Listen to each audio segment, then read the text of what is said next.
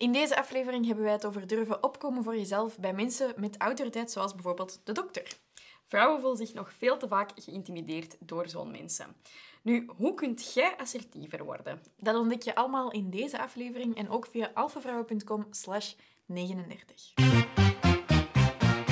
Welkom bij Generatie Alpha Vrouw. De podcast waar ambitieuze vrouwen elkaar het licht gunnen. En de beste versie van zichzelf worden. Wij zijn Amy van de Putten van Fast Forward Amy. En Jessica de Blok van Antwerp Avenue. En samen brengen we voor jou Generatie Alpha Vrouw.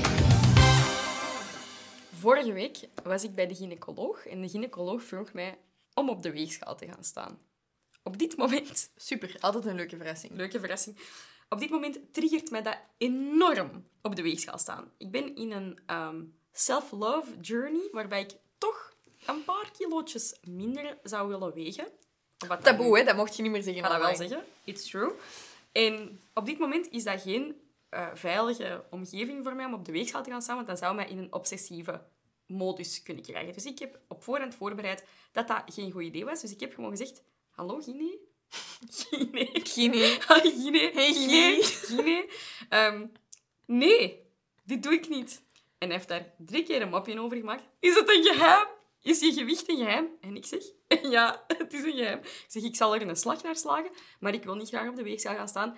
En uiteindelijk is hij, heeft hij afgehouden, afgehouden, zeg je dat zo, heeft hij het opgegeven en hoefde ik niet op de weegschaal te gaan staan.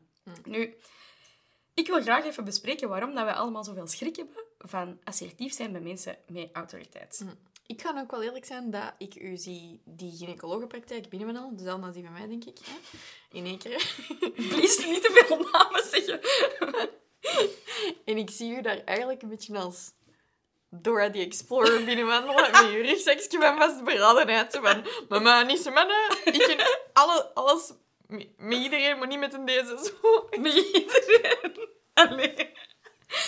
Waar of niet? Ja, Hoe vastberaden ik was jij? vastberaden, ook aan het zweten. Hoe lang had jij je er al druk over gemaakt dat je dat ging zeggen? Zeker in een vol volle dag. Want ik besefte dat ineens en ik dacht, ja, kijk, dat is voor mij echt geen goed idee om daarop te gaan staan. Omdat ik weet nog dat ik ooit op de weegschaal ben gaan staan bij de gynaecoloog en dat dat gewicht mij toen verbaasde. En ik weet nog hoeveel dat, dat was en dat gaat over zeven jaar geleden. En dat gewicht is echt zeer oké. Maar wauw, dat ik daar zo lang niet goed van was, ik dacht, I can't go down that road again. Dat is ook zo s'avonds. Wie wil er nu s'avonds op zo? En dan zou zeggen, ik ga op de weegschaal staan, maar s'morgens weeg ik minder. Als ik mijn botten niet aan... Zo hard aan het roepen. Sorry. Sorry. In ieder geval, er hangt Kijk. heel veel judgment rond dat gewicht. Daar wil ik het even echt niet over hebben. Nee, dat is echt Maar- niet het punt van deze aflevering. To each their own journey, on that note. Maar assertief zijn, mm, toch wel een hele belangrijke. Hè? Ja, want wat gebeurt er eigenlijk altijd? En ik denk dat wij er allebei heel veel ervaring mee hebben. Maar wat gebeurt er is, als jij voor iemand zit die een bepaalde positie heeft, of een bepaalde, eh, vaak is dat een machtspositie tegenover u, een vorm van autoriteit. Bijvoorbeeld de dokter of een advocaat of dit of dat of Of een dat. plek die u onzeker maakt, zoals een chique garage. Ja, bijvoorbeeld als iemand in een, in een, in een sterkere ro- rol zit als jij, dan heb je vaak het gevoel, ik heb toch vaak het gevoel, ik kan niet voor iemand anders spreken, dat ik, niet, dat ik minder waard ben en dat ik echt mijn mond moet En houden. dat je de regels moet volgen. Ja, dat je de regels moet volgen. En al hetgeen wat je zegt, je doet dat. Al zegt een dokter, nu zegt hij, ga eens op de weegschaal staan. Maar ik denk, to what end moet ik op die weegschaal gaan staan? Dat is zodat jij mij in een statistiek kunt steken, maar Waar voor je mij, gelooft. waar ik eigenlijk geen zin, geen zin in heb, in die statistieken. Als dat nu belangrijk zou zijn voor mijn een of ander ge- gezondheidsprobleem voor mij, dan zou ik zeggen, I'll do it. Anderzijds was voor mij die afweging op dat moment echt niet de moeite. Nu, als een dokter tegen mij had gezegd, ehm, ga, doe eens een driedubbele flikvlak, want niks, want niks, want, want je zegt In uw want, blote, Jessica? in uw blote, dan moet ik dat niet doen. En ik mag zeggen, nee, want ik ben mezelf en ik hoef niet te doen per se wat een dokter zegt. Je zit daar vrijwillig. En ik denk dat, het, ehm, dat wij gewoon zijn opgevoed van als de dokter praat, zwijg dan. Als de dokter zegt dat het zo is, dan is het zo. En ik wil hiermee even disclaimen dat ik mega veel respect heb voor dokters en mensen in, in positie. Ik heb respect als je zo heel lang hebt gestudeerd. Ik heb respect voor die positie. Ik heb respect voor iemand met zijn expertise, zoals dat mensen ook respect mogen hebben voor ons en onze expertise. Ik ga niet iemand zijn expertise ondermijnen en zeggen, hey, Google weet het beter. Maar ik vind wel dat je een gesprek tussen twee volwaardige volwassenen mocht opentrekken zonder dat een dokter u belachelijk maakt. En ik heb dat al zo vaak gehad. En research is natuurlijk ook ongoing. Wetenschap is exact gewoon wetenschap, omdat het heel de tijd verandert en heel tijd nieuw is. De- als we het allemaal al wisten, dan was het geen wetenschap. Ik bedoel, Nee. dat, niet- dat verandert gewoon continu. En als je het durft zoiets aan te halen, word je vaak gewoon met de grond gelijk gemaakt, want hij heeft toch zo lang gestudeerd of zij heeft zo lang gestudeerd. En ik vind dat heel jammer dat er gewoon vaak een, een powerverschil is tussen mensen in, in Autoriteitsposities. autoriteitsposities Ja. en de klant of Ja, de patiënt. maar soms ook gewoon de context. Hè? Want ik was onlangs eh, in de garage om te gaan horen voor een auto. Maar ja, gezien alle maatregelen, je wandelt er binnen, er staat een scherm. En ehm, de jonge vrouw aan de receptie vraagt eh, aan mij en Charlie of dat wij onze gegevens willen achterlaten. Maar ja, ik ben zo iemand van, ik geef mijn gegevens eigenlijk niet snel af. Oh, Als ze ook zo ergens gewoon zo vragen, ah, je moet even je identiteitskaart in ons machientje steken, denk ik ook zo, nee, ik ga je niet al mijn data geven gewoon zomaar. Maar dat is een ander verhaal. In elk geval, wij zijn daar. En ze laten dat eigenlijk uitschijnen dat dat is zo voor de maatregelen. Ja. En ik zeg zo, ah ah ja, wil je hier even al je gegevens achterlaten? En ik zo, ah, moet dat? Want ik denk zo, op die moment denk ik, dat moet helemaal niet. Ehm, en zo, ah, dat, die, die twijfelt zo even en die zegt zo, ja, ehm, die keek mij al heel vies aan trouwens. En ehm, die zegt, ja, ehm, dat is wij dat doen. Ik zeg, maar moet dat? Is dat verplicht wettelijk dat ik mijn gegevens achterlaat? Ik denk zo, ik mag toch naar een auto komen zien, zeker? Zonder mijn gegevens achter te laten. Die, die was helemaal van haar melk, maar die was best wel bitsig op mij dat ik mijn gegevens niet wou achterlaten. Zo, als dat niet moet, dan doe ik dat liever niet. En ik wandel weg. En je zegt Charlie ook echt zo denk je van, oeps. En daarna, ik was toevallig met een eigenaar van die garage aan het praten. Of de eh, persoon dat daar de zaakvoerder is. En ik dacht ook zo echt bij mijn eigen van, ja... Dat was heel onpopulair dat ik gewoon nee heb gezegd. Ja. Maar het was een vraag, dus ik mag ook nee zeggen. Ja. En dat vind ik ook zoiets in onze samenleving. Het is zo, als je een vraag stelt, moet je ja zeggen. Maar als iemand mij een vraag stelt, mag je toch ook gewoon nee zeggen? Nee, hetzelfde eigenlijk nog heel grappig, want ik kwam dus bij de gynaecoloog ook binnen aan de balie en ze vroegen, ehm, wat is uw beroep? wat heeft dat te maken met mijn reproductieorganen?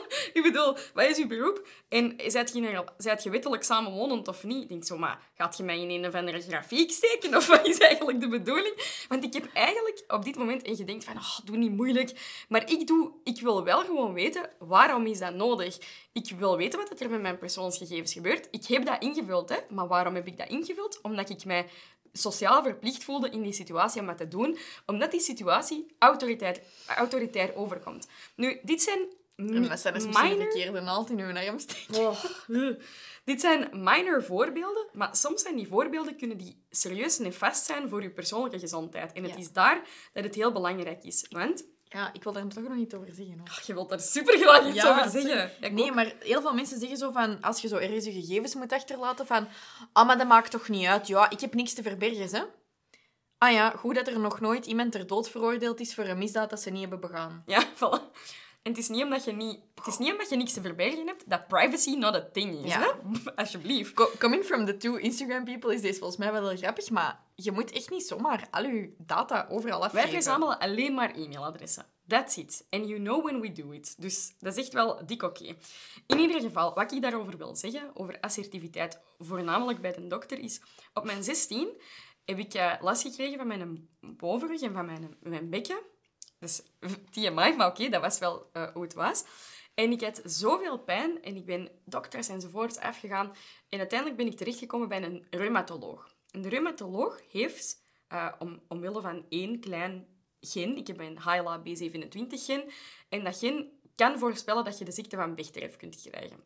De dokter heeft gewoon gezegd, hier zo blind een puzzel samengelegd en hij zegt, je hebt de ziekte van Bechterew.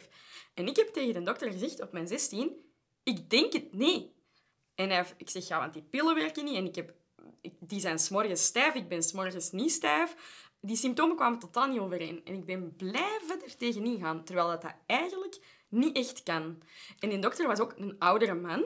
En ik was een 16-jarig meisje. Hij heeft mij ook meermaals met de grond gelijk gemaakt. Heel onprofessioneel. Mijn mama was erbij. Mijn mama heeft mij aangemoedigd om assertief te zijn. Maar ik ben zodanig assertief gebleven dat ik uiteindelijk van dokter ben veranderd. Ik ben bij alle dokters opeenvolgend heel assertief geweest. Terwijl dat eigenlijk meer energie van mij vroeg dan dat je van een 16-jarige kunt verwachten. En pas op mijn 19 hebben ze gevonden dat ik een, een, een redelijk uitzonderlijke bindweefselsaandoening heb. En het is alleen maar door assertief te zijn, er tegenin te durven gaan, dat de dokter het misschien niet helemaal aan het rechte eind had, dat ik effectief mijn diagnose ben te weten gekomen en dat mijn leven drastisch is veranderd van een 20%, uh, ja, uh, 20% levens... Hoe zeg je dat? Oh, hoe is nu het woord? Niet levensvreugde, maar daar komt het wel wat op neer. Maar ik bedoel, uh, levenskwaliteit Ja. naar iets van een, ja, pakt nu ja, tegenaan de 100. Hè. Ik heb soms wel nog, ik- dat is een chronische ziekte, je, je geraakt daar nooit meer vanaf, helaas. Maar, Maar dat- je kunt er goed mee lachen. ik kan er goed mee lachen en ik kan er goed mee leven. Ja. En dat had ik letterlijk... Ik had hier niet gezeten vandaag als ik niet assertief was tegen, Ja. geweest tegen de dokter. Dat is zot, hè. En dat is toch wel, ik denk dat het toch wel belangrijk is dat we dat voorbeeld hier nu aanhalen. Maar dat is... ehm, Allee, ik heb het zelf ook gehad, hè. Met Ja. dokters alleen was ik nog veel jonger, dus ik was zelf nog een pak Maar uw minder mama is assertief. wel assertief Mijn mama geweest, is wel heel assertief geweest. Ik was al heel lang ziek. Ik had heel veel keelpijn en dat kwam altijd met vlagen. En wij zijn langs zoveel dokters gegaan. Dokters die zeiden, het ligt aan het kind. eh, het, het is Psychologische psychologisch. problemen. Het ligt aan de moeder. Het moeder. De moeder wil gewoon het kind ziek houden. Er is niks aan de hand. Allemaal van die elementen. Totdat wij op een gegeven moment bij een dokter zijn geweest in Klina, bij Anne de Klerk. En die had binnen de vijf minuten door dat er wel iets aan de hand was. Die heeft mij twee spuiten gegeven. En na een week was ik na een jaar van pijn ervan af.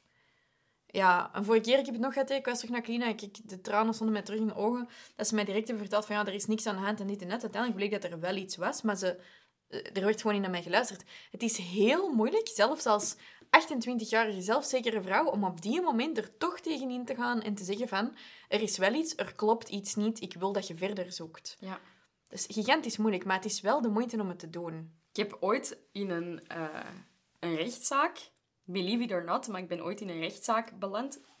Al twee keer, lol. Maar ehm ene keer ben ik eigenlijk door een advocaat die mij verdedigde, spoiler alert, het was niet mijn papa, het was iemand dat ik kende. Papa mocht me niet verdedigen. Ehm, die heeft mij eigenlijk niet geloofd. Omdat, die moest mij verdedigen, dan zo ah, via via, via mijn papa.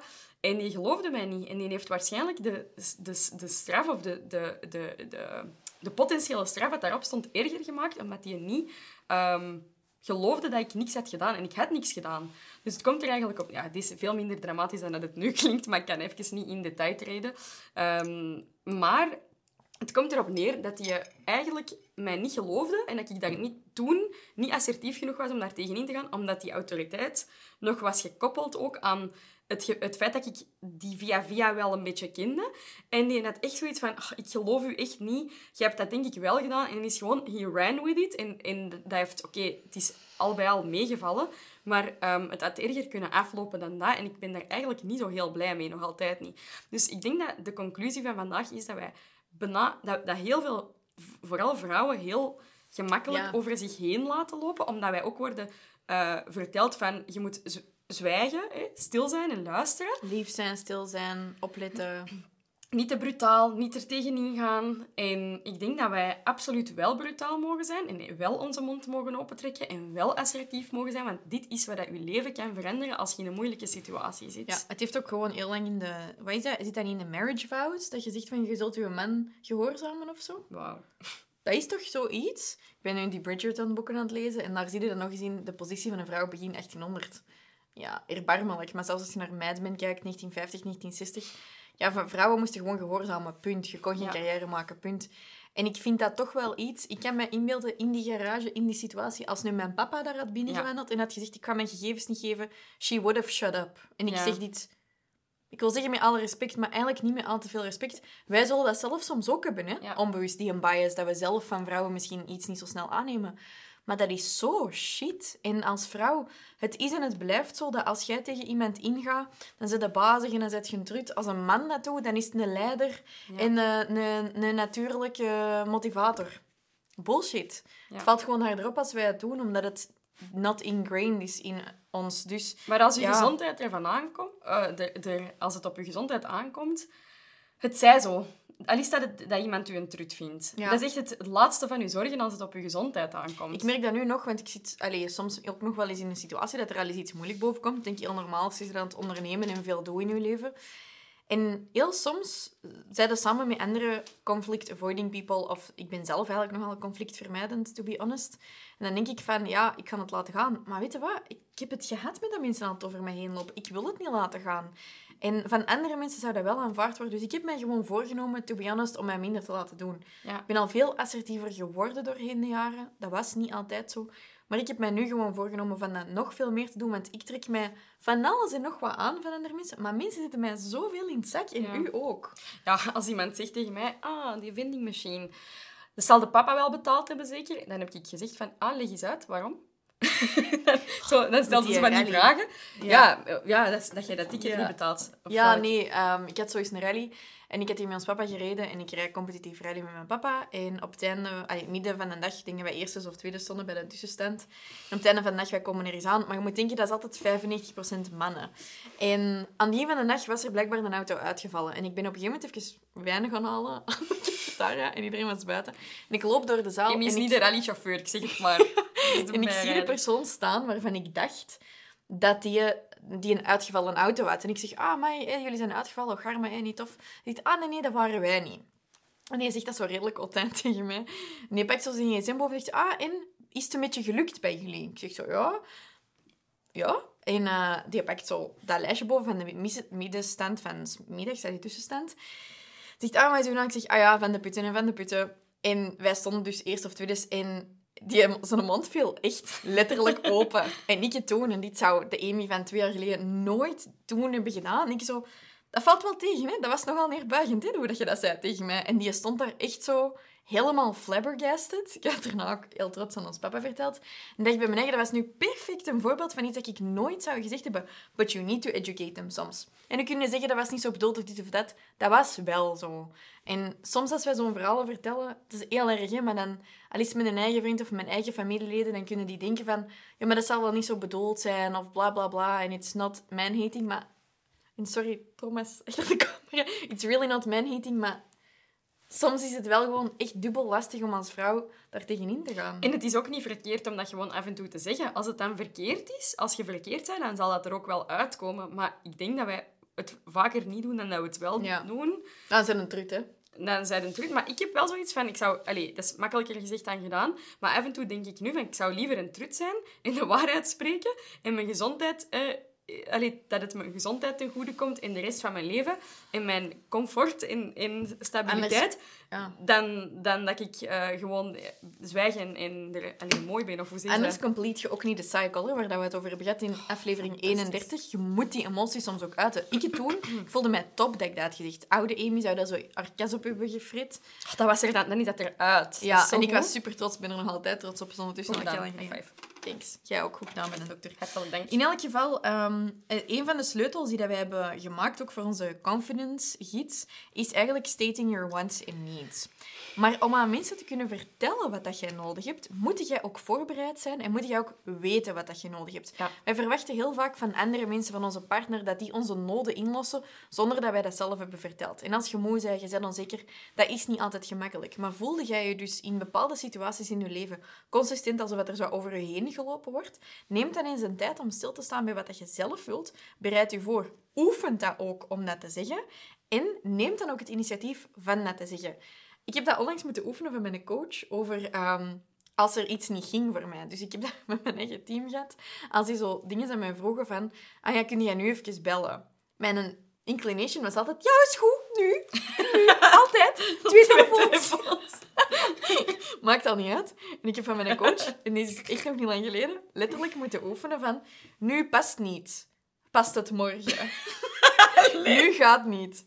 Kan ik je straks terugbellen? Ik kon dat niet zeggen. En Dat zijn zo die echt- autoresponders van je iMessage. nu past niet. Ik ben aan het rijden. Ja, of gewoon even bezig, kan ik je straks bellen? Of kan ik je morgen bellen? Weet je wat? Heel vaak is dat helemaal niet zo dringend. Maar die zijn ook gewoon hun wants en needs aan het staten. Maar je hoeft er niet altijd direct op in te gaan. Goed. Dat maakt je geen betere of slechtere vrouw Ja, door dat direct te doen. Assertiviteit is ongelooflijk belangrijk. Stating your wants and needs en voorbereid zijn is super belangrijk. En ik zou gewoon willen, dit is denk ik de bruutste vorm van empowerment dat we misschien nu kunnen meegeven. Maar ik denk, girl, you're so worth it om gewoon te vragen wat dat je nodig hebt. En doe dat gewoon. En ook bij de dokter, ook bij de advocaat. Waar dat je ook naartoe gaat, je hoeft niet een mega bitch te zijn, maar je mag zeggen wat, dat het, wat, dat je, ehm, wat, dat je, wat, nee, wat dat je nodig hebt. Laat u niet schuren. Laat u niet schuren. Hashtag Lotta niet schuren.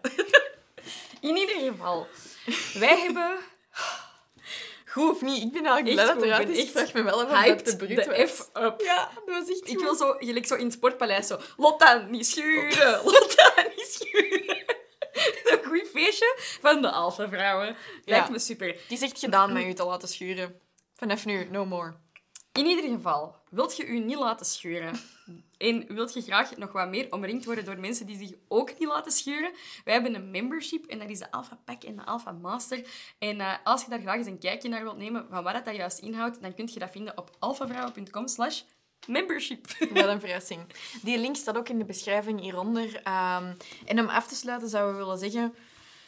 Waardeer jezelf eerst. Hè. Als je verwacht van andere mensen dat zij je gaan waarderen, moet je dat eerst zelf doen. You are worth it. You are good enough. Ook al voelt je je even lelijk of moe of whatever, you are always worth it. Dat hangt niet af van je prestaties vandaag of gisteren of morgen.